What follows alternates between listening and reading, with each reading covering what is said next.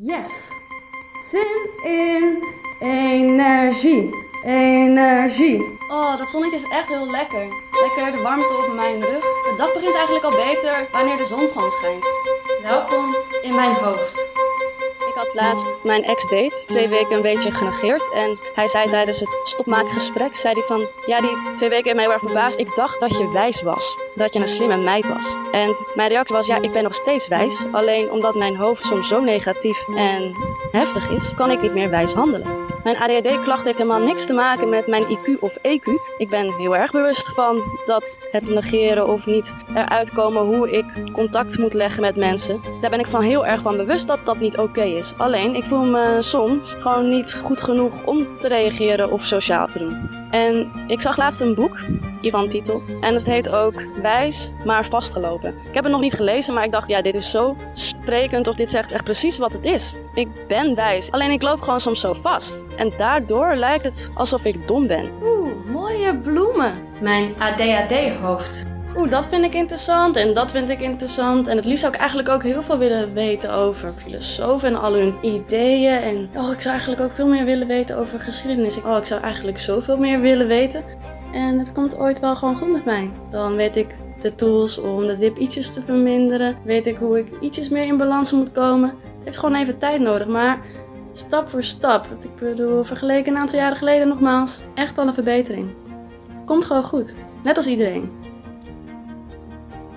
ADHD-dingen. Een podcast met persoonlijke en deskundige gesprekken over het leven met ADHD en alles wat daarbij komt kijken. Mijn naam is Neerma en sinds een paar maanden weet ik waarom mijn hoofd zo druk kan zijn. Ik heb toen de diagnose ADHD gekregen. Een van de eerste dingen die mijn zus zei toen ik ging testen of ik ADHD zou hebben, was: Oh, dan kan je onder een scan liggen om te zien wat het verschil is tussen een normaal brein en een ADHD-brein. Super interessant natuurlijk, maar is het ook zo? Kan je een verschil zien? En wat is het verschil dan? Als je op internet leest, zie je heel veel verhalen over dopamine. Wat is dat stofje nou precies en hebben we echt een dopamine tekort? Wat is het effect van medicijnen op onze hersenen? Aangezien ik dit thema ontzettend interessant vind, heb ik afgelopen tijd een aantal interviews gehad met wetenschappers en deskundigen. Maar dan gaan we het over hersenen hebben. Ja, maar er zijn zoveel vragen en zoveel dingen over. Jij begon al van, ja, wil je het hierover hebben, wil je het daarover hebben? Ik denk, ja, maar ik wil het overal over hebben. Kom maar op met die informatie. Je kan een scan doen, terwijl je een test doet in die scan.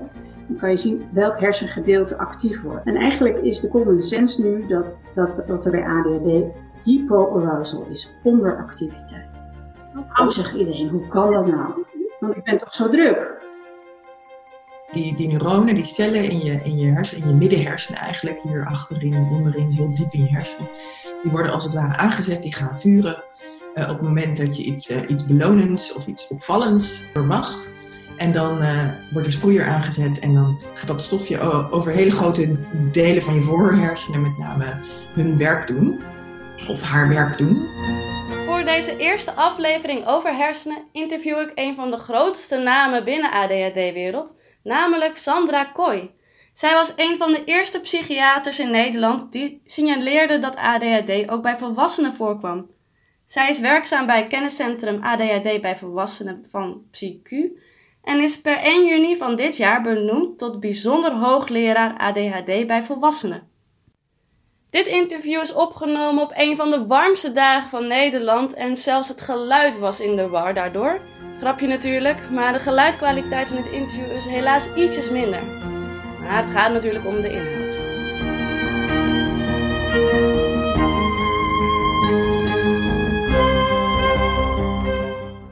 Eigenlijk de eerste vraag voor de luisteraars. Kan je jezelf even kort voorstellen? Ja, ik ben Sandra Kooi. Ik ben psychiater bij PsyQ in Den Haag.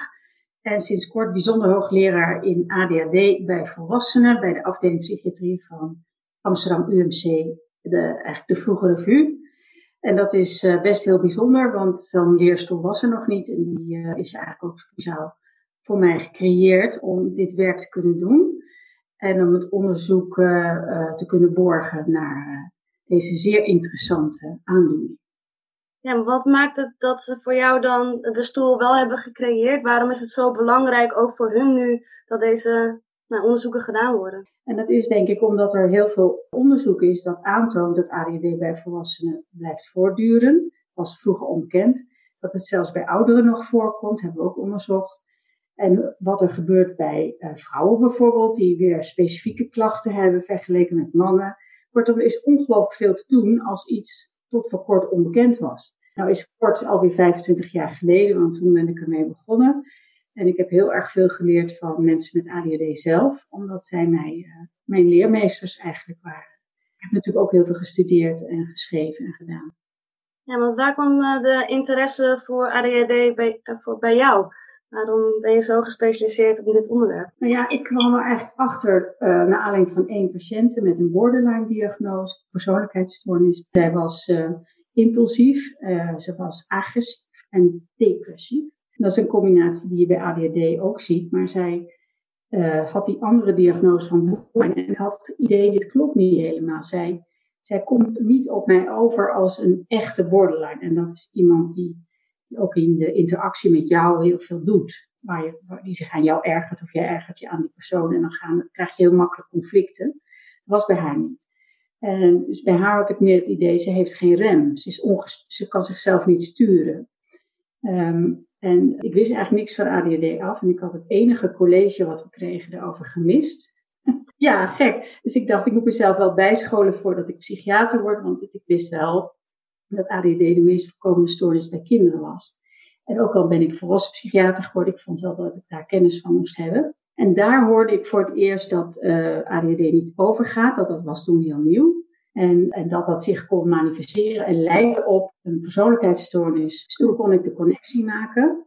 En toen ben ik dat gaan uitzoeken en toen herkende zij en haar familie herkenden het helemaal. Die waren tot tranen geroerd, uh, omdat dit precies paste. Dus die omschrijving die klopte voor hun gevoel ook beter. Ben ik haar gaan behandelen en zo is het eigenlijk begonnen. En ben ik uh, verder gaan kijken of niet veel meer mensen dit probleem hadden. Die ten onrechte dus eerder diagnoses kregen, omdat wij dat eerder niet wisten.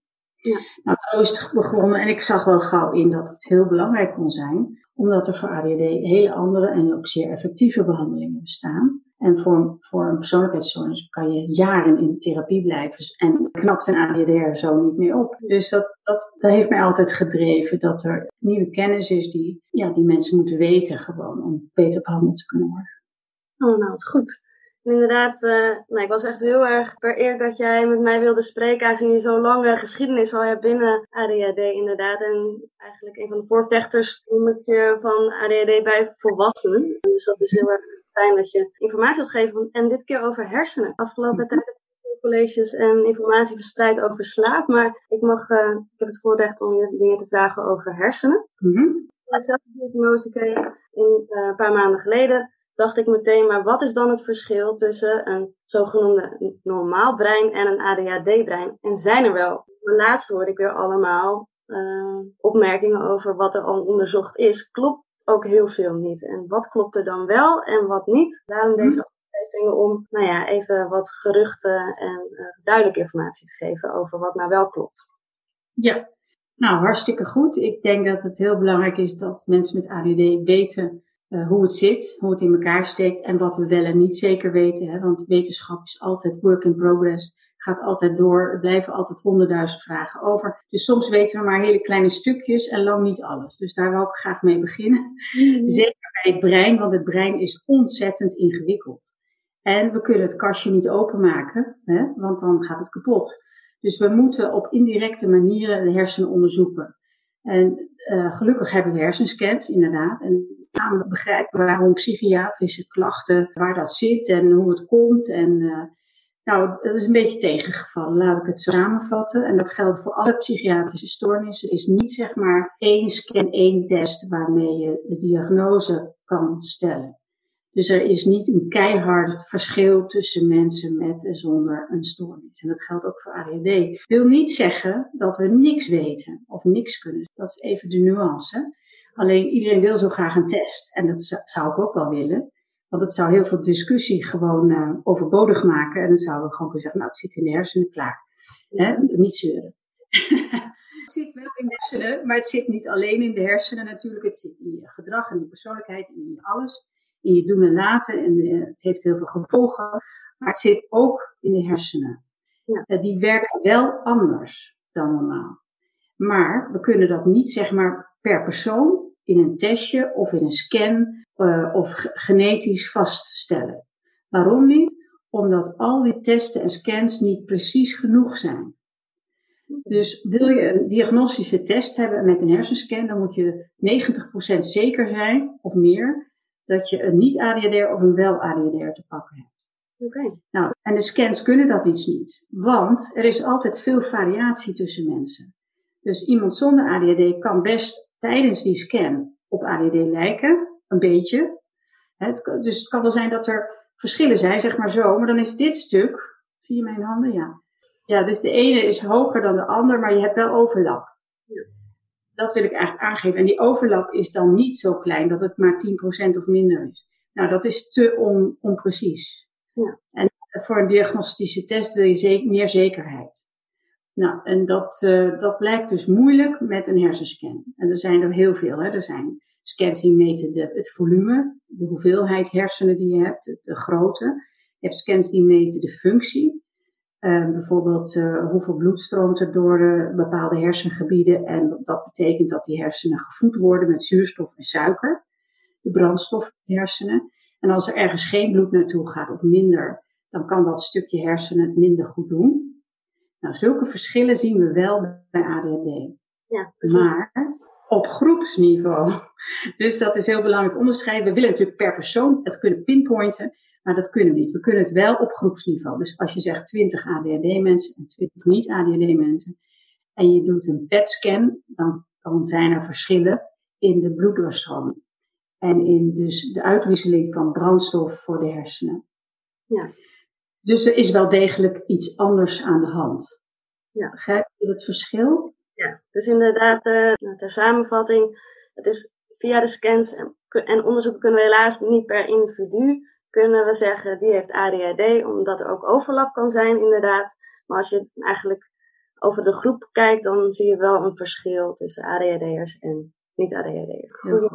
En dan gaan we het inderdaad over de groep hebben en dan niet over het individu. Wat zijn dan de verschillen die je dan wel kon zien als je de onderzoek hebt gedaan? Ja, nou, ik heb zelf dat onderzoek niet gedaan, hè, even voor de duidelijkheid, maar dit weet ik uit uh, literatuur. Het eerste verschil wat er op groepsniveau werd gevonden tussen ADHD en niet-ADHD is dat de hersenen kleiner waren bij kinderen. Oké. 5%, dus het volume, de omvang. En nou weet je natuurlijk eigenlijk niet zo goed of dat erg is. Want ik zeg altijd, uh, small is beautiful en als je het maar doet. Hè? ook over de functie. En je hebt grote mensen en kleine mensen en misschien ook wel grote breinen en kleinere breinen om die reden. Maar als, als op groepsniveau een verschil vindt van 5% bij kinderen en er is ook een probleem met het gedrag of de functie van de hersenen, met de aandacht, met, uh, met het beheersen van onrust en, en uh, impulsiviteit, dan mag je misschien voorstellen dat er samenhang is. Al weet je dat dan nog steeds niet zeker. Nou, dus de hele tijd is aangenomen dat dat, uh, een, ja, dat dat wel bij de diagnose hoorde, al konden we dat niet per individu dus vaststellen. Maar Nieuw onderzoek laten zien bij volwassenen dat, dat die hersenen toch uh, bijkomen, zeg maar. Dus de omvang van de hersenen neemt toch toe, ook bij ADHD-mensen in de volwassenheid. Nou, toen waren we weer in de war natuurlijk. Want wat betekent dat dan? De hersenen zijn kleiner bij kinderen, het volume neemt toe bij volwassenen, maar de ADHD is nog steeds niet over, want ze hebben nog steeds een diagnose en last. Dus wat zegt het? We weten het eigenlijk niet. Het kan zijn dat de tijd daar wel iets in doet, maar het is dus niet het kenmerk waar op de diagnose op zou moeten hangen. Dat weten we wel. Dan nog een vraag tussendoor van hoe kan het, is het duidelijk hoe dat kan, dat alsnog bijgroeit eigenlijk dat het naar het uh, normale gaat? Nou ja, men denkt, hè, wij weten heel veel dingen dus niet zeker, men denkt dat dat een rijpingsprobleem zou kunnen zijn. Dus dat er een soort vertraagde ontwikkeling is van het brein bij kinderen met ADD, waardoor ze met een kleiner brein beginnen. En dat is waarschijnlijk iets wat erfelijk is en aangestuurd wordt door de genen. Dus dat is gewoon je aanleg. Hè? Dus de erfelijkheid is heel belangrijk bij ADD, al is het niet het enige wat zorgt dat je het krijgt of hebt. Maar het is wel uh, de grootste belangrijke factor die, uh, die we kennen. En het komt ook heel vaak familiair voor Maar ik dwaal af. Ik wou nog wat zeggen over de functie van het brein. Want dit was alleen nog maar het volume. Ik zei al dat er dus minder bloed en uh, bloedstroom gaat in bepaalde hersengebieden. En dat zijn nette gebieden die je aandacht en je beheersing en je beheersing van bewegelijkheid en impulsiviteit moeten regelen.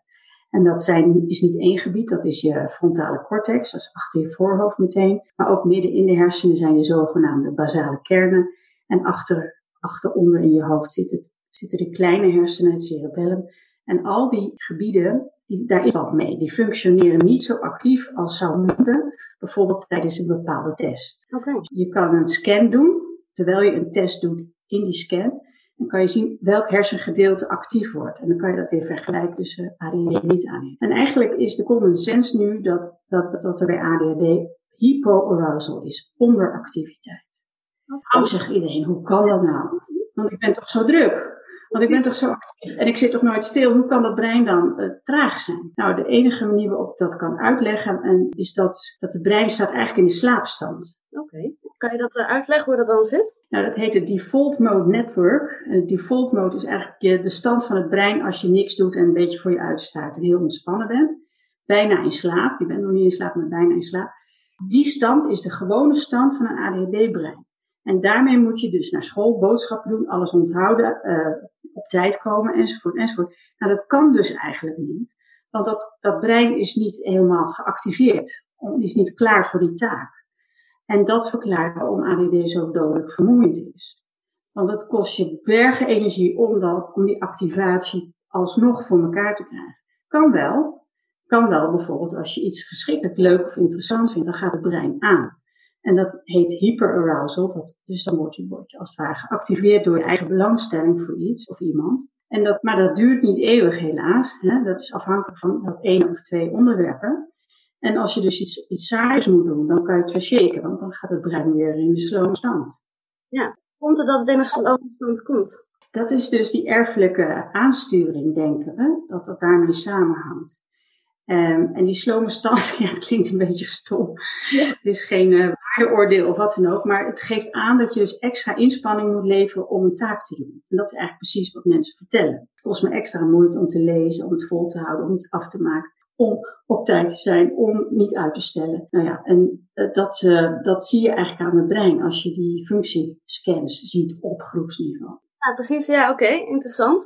Maar je kan het brein activeren. Dat is het goede nieuws. Je kan je eigen brein activeren. Dus bijvoorbeeld door spannende, interessante, nieuwe dingen te doen. Dat weet je, want dat ken je van jezelf waarschijnlijk heel goed. En dat is ook een van de redenen dat we zeggen mensen met ADD zoeken spanning en sensatie op of afwisseling.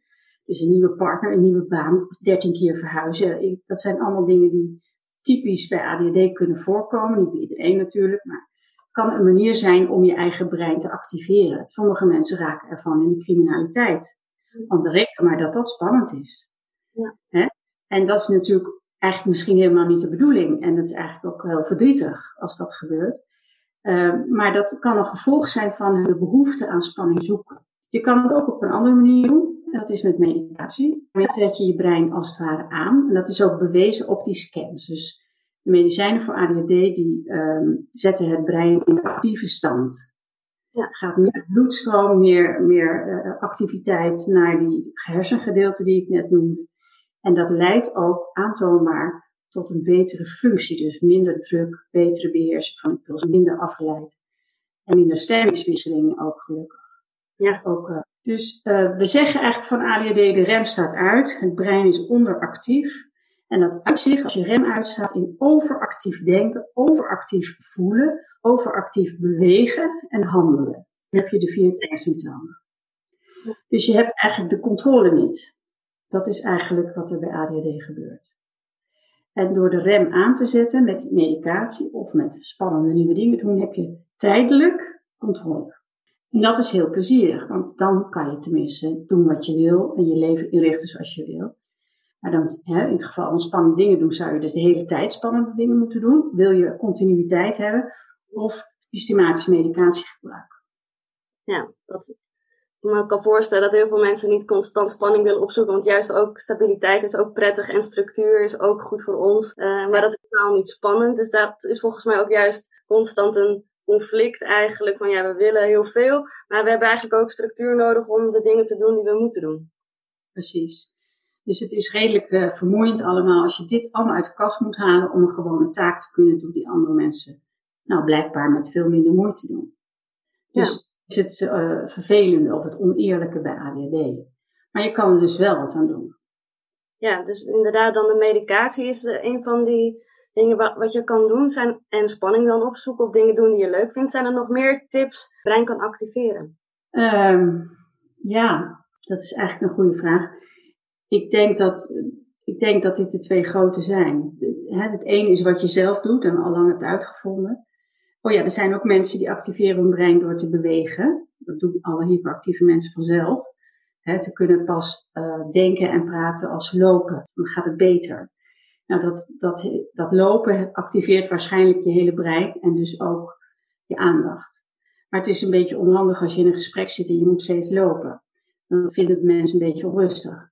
Nou, zo zijn er allemaal dingen die wel kunnen, maar ook weer een, uh, een negatieve kant kunnen hebben zijn ook mensen die sporten vijf keer in de week.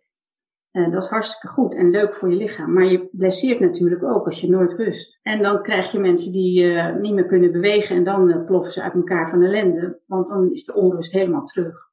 Kortom, het is allemaal tijdelijk en je moet een manier vinden die bij je past en die je kan volhouden. En die enige stabiliteit ook geeft, zodat je je langetermijndoelen ook een keertje haalt. Niet alleen maar wat er vandaag moet. Nee, precies. Ja, want ik had nog een vraag over prikkels. Want heel veel ADHD'ers die ik heb gesproken en waar ik soms ook last van heb, uh, zeker na mijn hersenschudding moet ik toegeven, is dat prikkels uh, veel harder aankomen. En heel veel mensen zeggen, oh ik heb helemaal geen filter of ik zie inderdaad alles wat er om me heen gebeurt. Is daar ook een mhm. verklaring voor vanuit de hersenen? Nou, eigenlijk weten we dat niet zo precies. Um, het is zo dat mensen met ADHD, maar ook mensen met autisme, overgevoelig kunnen zijn voor licht, geluid, beweging, tast.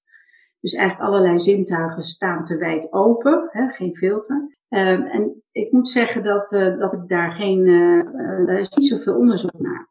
Het is meer beschrijvend van het is er, het komt veel voor. En er zijn praktische dingen die je kan doen door te veel prikkels te vermijden. Ga niet op zaterdag de bijkorf als je daar niet tegen kan. En uh, vermijd plekken met veel lawaai als dat je irriteert of als je je tot het uiterste drijft. Maar ja, dat is niet zo leuk, want dan moet je natuurlijk dingen vermijden.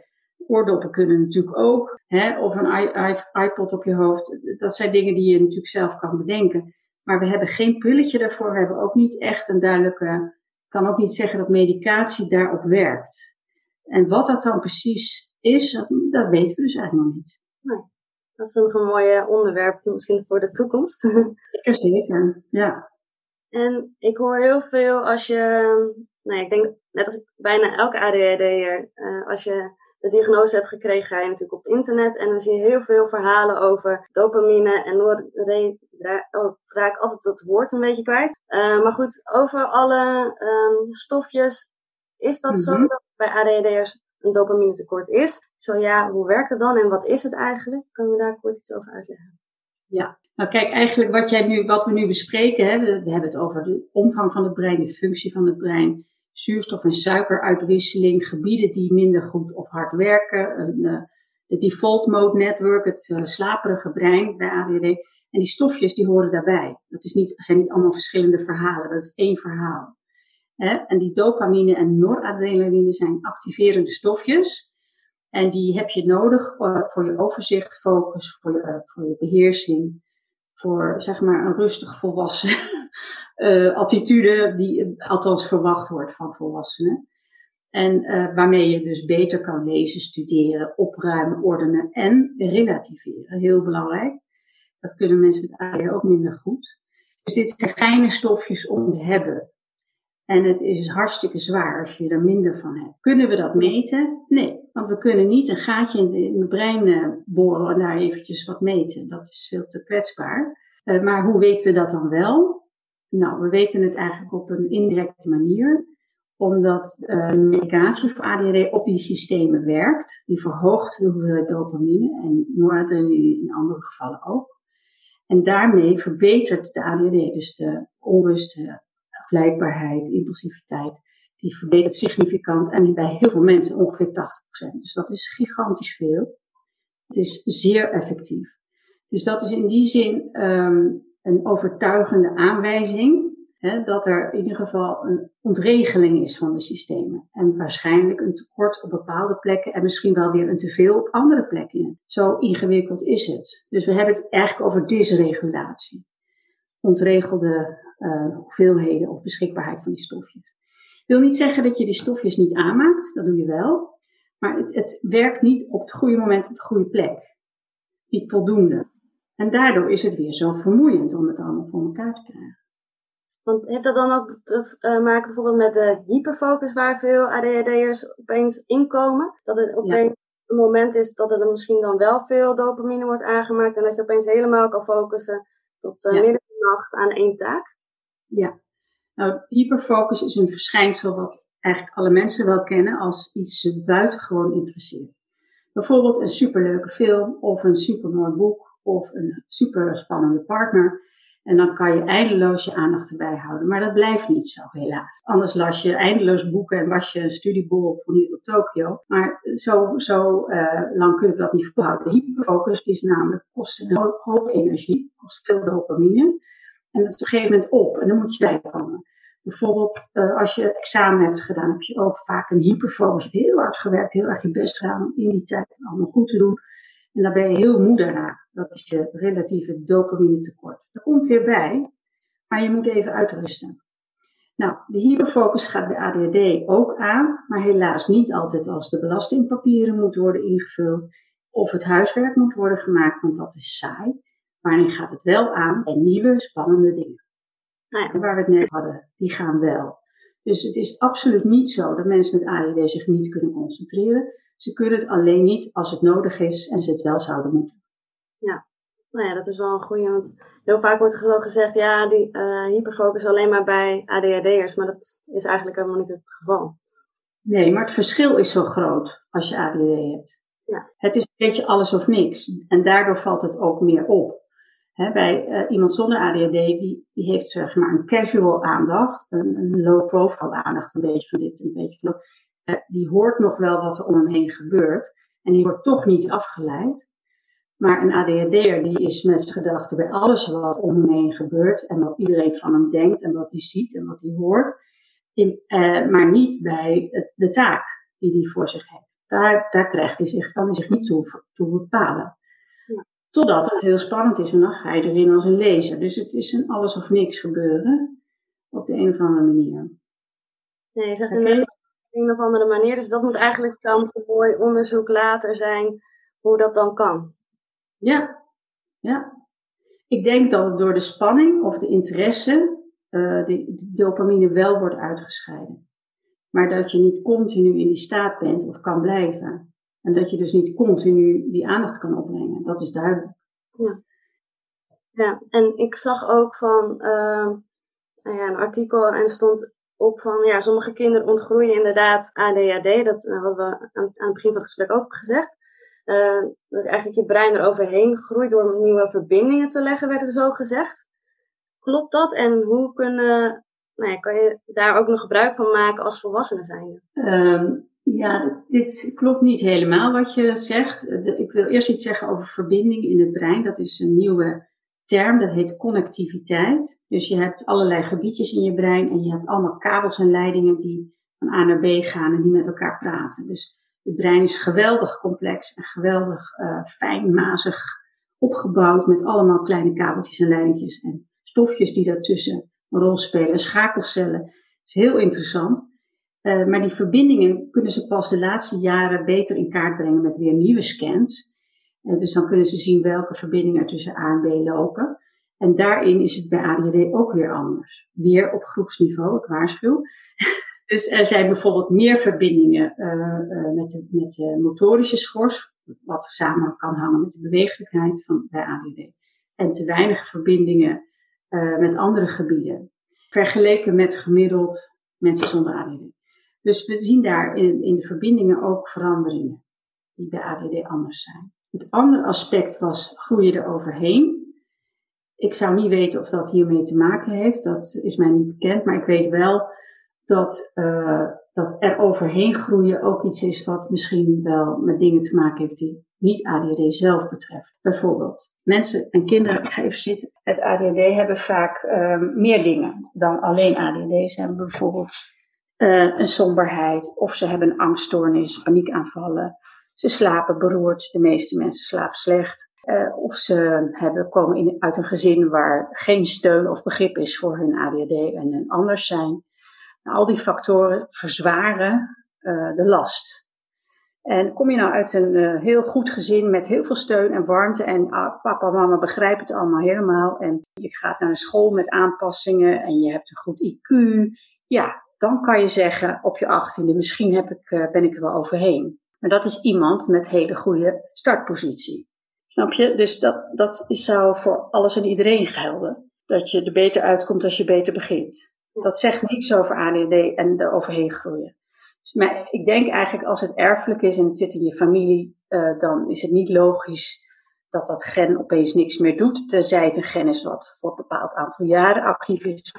Daar heb ik nog nooit van gehoord in dit geval. Zou kunnen hoor, maar bij ADD is dat in ieder geval nog nooit uh, aangetoond. Dus um, misschien kan het wel, ik weet het niet. Maar er overheen groeien heeft meer te maken met bijkomende stoornissen of met intelligentie en sociale steun dan met ADD zelf. Zijn er dan nog andere dingen wat je zelf graag wilt vertellen over het brein en uh, in relatie met ADHD? Nou, ik denk dat dit wel de belangrijkste dingen zijn. Dat er dus op groepsniveau veranderingen zijn ten opzichte van andere mensen zonder ADHD. En dat dat niet leidt tot een test tot nu toe op individueel niveau, maar wel verschillen laat zien tussen groepen mensen met en zonder. Dat betekent dat het brein absoluut betrokken is bij ADHD. Sterker nog, het brein is bij alles betrokken, want je kan niks doen zonder brein. Hè? Maar uh, het is natuurlijk waanzinnig interessant, maar ook waanzinnig complex. Ja. En um, ja, we, we gaan gewoon verder, zou ik zeggen. Dat is heel goed. Want dit waren in ieder geval de eerste vragen die ik had uh, over hersenen. Het is inderdaad zodanig dat we een uren erover kunnen hebben in principe, maar dat, laten we dat niet doen. Dank voor nu dan heel erg voor je tijd, want ik vond het uh, heel erg interessant. Het is inderdaad zo'n complex verhaal. Ik de hele tijd denk van, maar ik wil eigenlijk meer weten. Maar het is zo nog onduidelijk, maar ook heel ingewikkeld. Dat het, uh, ja, misschien kan ik nog wel een tip geven. Ik heb een, een boek geschreven voor mensen met ADHD. Het heet Hyper Sapiens. En daarin is het wel op eenvoudige manier uitgelegd. Zoals ik het nu ook probeer te vertellen. Zodat iedereen het kan begrijpen. Goeie, dankjewel voor de tip. Nog een andere tip. Laatst heeft Sandra een webinar gegeven over slaap via de Vereniging voor ADHD'ers, Impuls en Woordblind. Check deze vooral eventjes, want het is echt ontzettend interessant. Als deze online komt, zal ik hem ook wel delen via mijn Instagram-account ADHD Dingen. Later in de podcastreeks heb ik ook een aflevering over slaap. Hiervoor interview ik deskundige en mede-ADD'er Alex Steenbreker. Haar heb ik ook geïnterviewd voor een volgende aflevering over hersenen. Ander interview waar ik echt heel erg blij mee ben over hersenen heb ik gedaan met Roosjaan Kools. Zij heeft een studie gedaan over Ritalin en dopamine. Houd deze podcast dus goed in de gaten. Volg deze, deel het, zeg het voort. Je kunt me ook online vinden op Instagram via ADHD dingen. Dan wil ik jullie voor nu in ieder geval heel erg bedanken voor het luisteren. Ben je benieuwd naar wat voor studie Sandra zou willen doen als zij alle geld en tijd zou hebben van de wereld? En ben je benieuwd naar de studies die op dit moment worden gedaan over ADHD? Blijf dan luisteren naar deze aflevering. Klik hem niet weg voordat hij helemaal is afgelopen. Na mijn praatje hoor je namelijk deze antwoorden. Mochten jullie nog vragen, opmerkingen, wensen hebben, Laat het mij vooral weten. Dan zeg ik nogmaals bedankt en dan spreek ik jullie snel. Zijn er zelf, ja, aangezien ik inderdaad de laatste tijd heb gehoord van, ja, zijn best wel nieuwe onderzoeken wat betreft het brein en de ADHD. Wat zijn, nou ja, bijna een soort van hoogtepunten, wat zijn eigenlijk de laatste nieuwe ontwikkelingen? Ja, uh, dat is altijd een te makkelijke vraag. Ja, eigenlijk vraag je dan naar wat is er nog niet, hè? dat weet ik natuurlijk niet. Um, maar misschien uh, mogen we iets verwachten van uh, nieuwe medicijnen op het gebied van andere neurotransmitters, boodschapperstoffen. Uh, glutamaat bijvoorbeeld. misschien van het verbeteren van de slaap, wat leidt tot minder ADHD. Daar doen wij onderzoek naar, dat hopen we. Dat we door slaap serieus aan te pakken en gericht per probleem een goede aanpak te geven. Wat heeft dat voor effect op ADHD? Uh, er is ook een hele nieuwe richting die onderzoek doet naar de darmbacteriën bij allerlei psychische problemen, ook bij ADHD. En uh, daar zitten echt uh, miljarden soortjes eh, bacteriën in je darm die je helpen om het voedsel te verteren. Maar die bacteriën maken ook weer neurotransmitters. En dat is het hele interessante. Want misschien kunnen bepaalde bacteriën dan wel helpen bij depressie of ADHD, of misschien zelfs bij autisme. En dat is natuurlijk de hoop dat we daarmee een nieuwe ingang kunnen vinden voor uh, andere type behandelingen. Maar zover is het helemaal niet. Het is nog een beetje zoeken naar de speld in de hooiberg, want er zijn er zoveel bacteriën en je moet eigenlijk kijken naar groepen bacteriën. En dan zie je bijvoorbeeld dat mensen met autisme of ADHD bepaalde groepen minder hebben. Zover is het ongeveer. Ja. Nou, zo wat, hè? wat hebben we daar nou aan? Wat betekent het? Wat doen die beestjes allemaal? En uh, bereikt dat je brein? En als dat zo is, um, kunnen we dat dan op een manier inzetten dat je er beter van wordt? Nou, ik begrijp dat kost nog een, uh, een aantal uh, jaren onderzoek. En ik kan nog niet zeggen wat eruit gaat komen natuurlijk. Dat snap ik heel goed. Maar wel hele interessante ontwikkelingen volgens mij om bij te ja, houden. En Absoluut. veel focus is nu eigenlijk. Volgens mij is er in de laatste jaren wel veel meer nou ja, focus inderdaad. Misschien door jou het harde werken. Meer op inderdaad, wat gebeurt er nou echt bij ADHD? Mm -hmm. Nou, goed ja. En dan was gewoon interesse, als je zelf nog onderzoek zou mogen doen verder in je uh, uh, leerstoel, wat voor onderwerpen zou je dan nog het graagst en het liefst willen doen als je al het geld van de wereld zou hebben? Oh, nou dan had ik een heel groot team wat uh, met heel veel dingen tegelijk bezig was. Um, nou ja, ik vind ADD bij oudere mensen belangrijk om op de kaart te zetten, omdat anders volwassen mensen na een 65ste voor een dichte deur komen bij de hulpverlening. als de oudere psychiatrie weer zegt dat bestaat niet bij ouderen, net zoals ze dat 25 jaar geleden bij volwassenen zeiden, ja, dat, wat zijn we dan opgeschoten? Dan staan mensen weer voor een dichte deur. Dus ik wil eigenlijk een, een trial doen met medicatie bij ouderen, of dat kan, of dat veilig is of het effectief is en zo ja, op welke doos, welk middel. We hebben daar al wat ervaring mee, want we hebben mensen al behandeld met heel veel controle van hun fysieke toestand, want dat moet wel bij ouderen. En dat gaat eigenlijk best wel goed. Dat hebben we ook net gepubliceerd, dat artikel. Maar er moet een randomized controlled trial komen voordat het echt uh, onderbouwd is. En dat is ook weer een heel klusje. Ja. Dus dat, daar gaan we hopelijk uh, naartoe. En ik wil graag bij vrouwen de stemmingswisselingen in de cyclus en na de bevalling en in de overgang meten.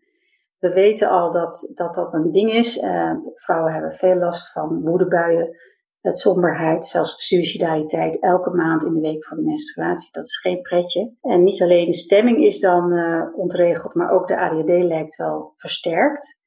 En uh, dat we proberen dat te objectiveren, dus echt te meten. En we weten ook al aardig hoe je dat kan behandelen, wat daarvoor helpt. Maar dat moet nog onderzocht worden en aangetoond. Dus dat is een onderwerp. En verder natuurlijk de grote onderzoekslijn ADHD in slaap. We denken zelfs dat ADHD ook met dat uh, onderactieve brein misschien zelf wel heel verwant is aan een slaapstoornis. Ik zeg niet dat het alles verklaart, want nogmaals, wetenschap is zeer complex en het brein zeker. Maar uh, het, uh, ja, slaaptekort en ADD hebben zoveel symptoomoverlap. En het gaat zo vaak samen. Daar moet, daar moet nog iets te vinden zijn wat ons verder kan helpen. Dus dat uh, houdt mij al een jaar of tien bezig en dat blijft nog even zo. Mooie dingen ook. Dit was hem dan echt. Dankjewel Sandra. Dank jullie luisteraars. En ik spreek jullie snel. Música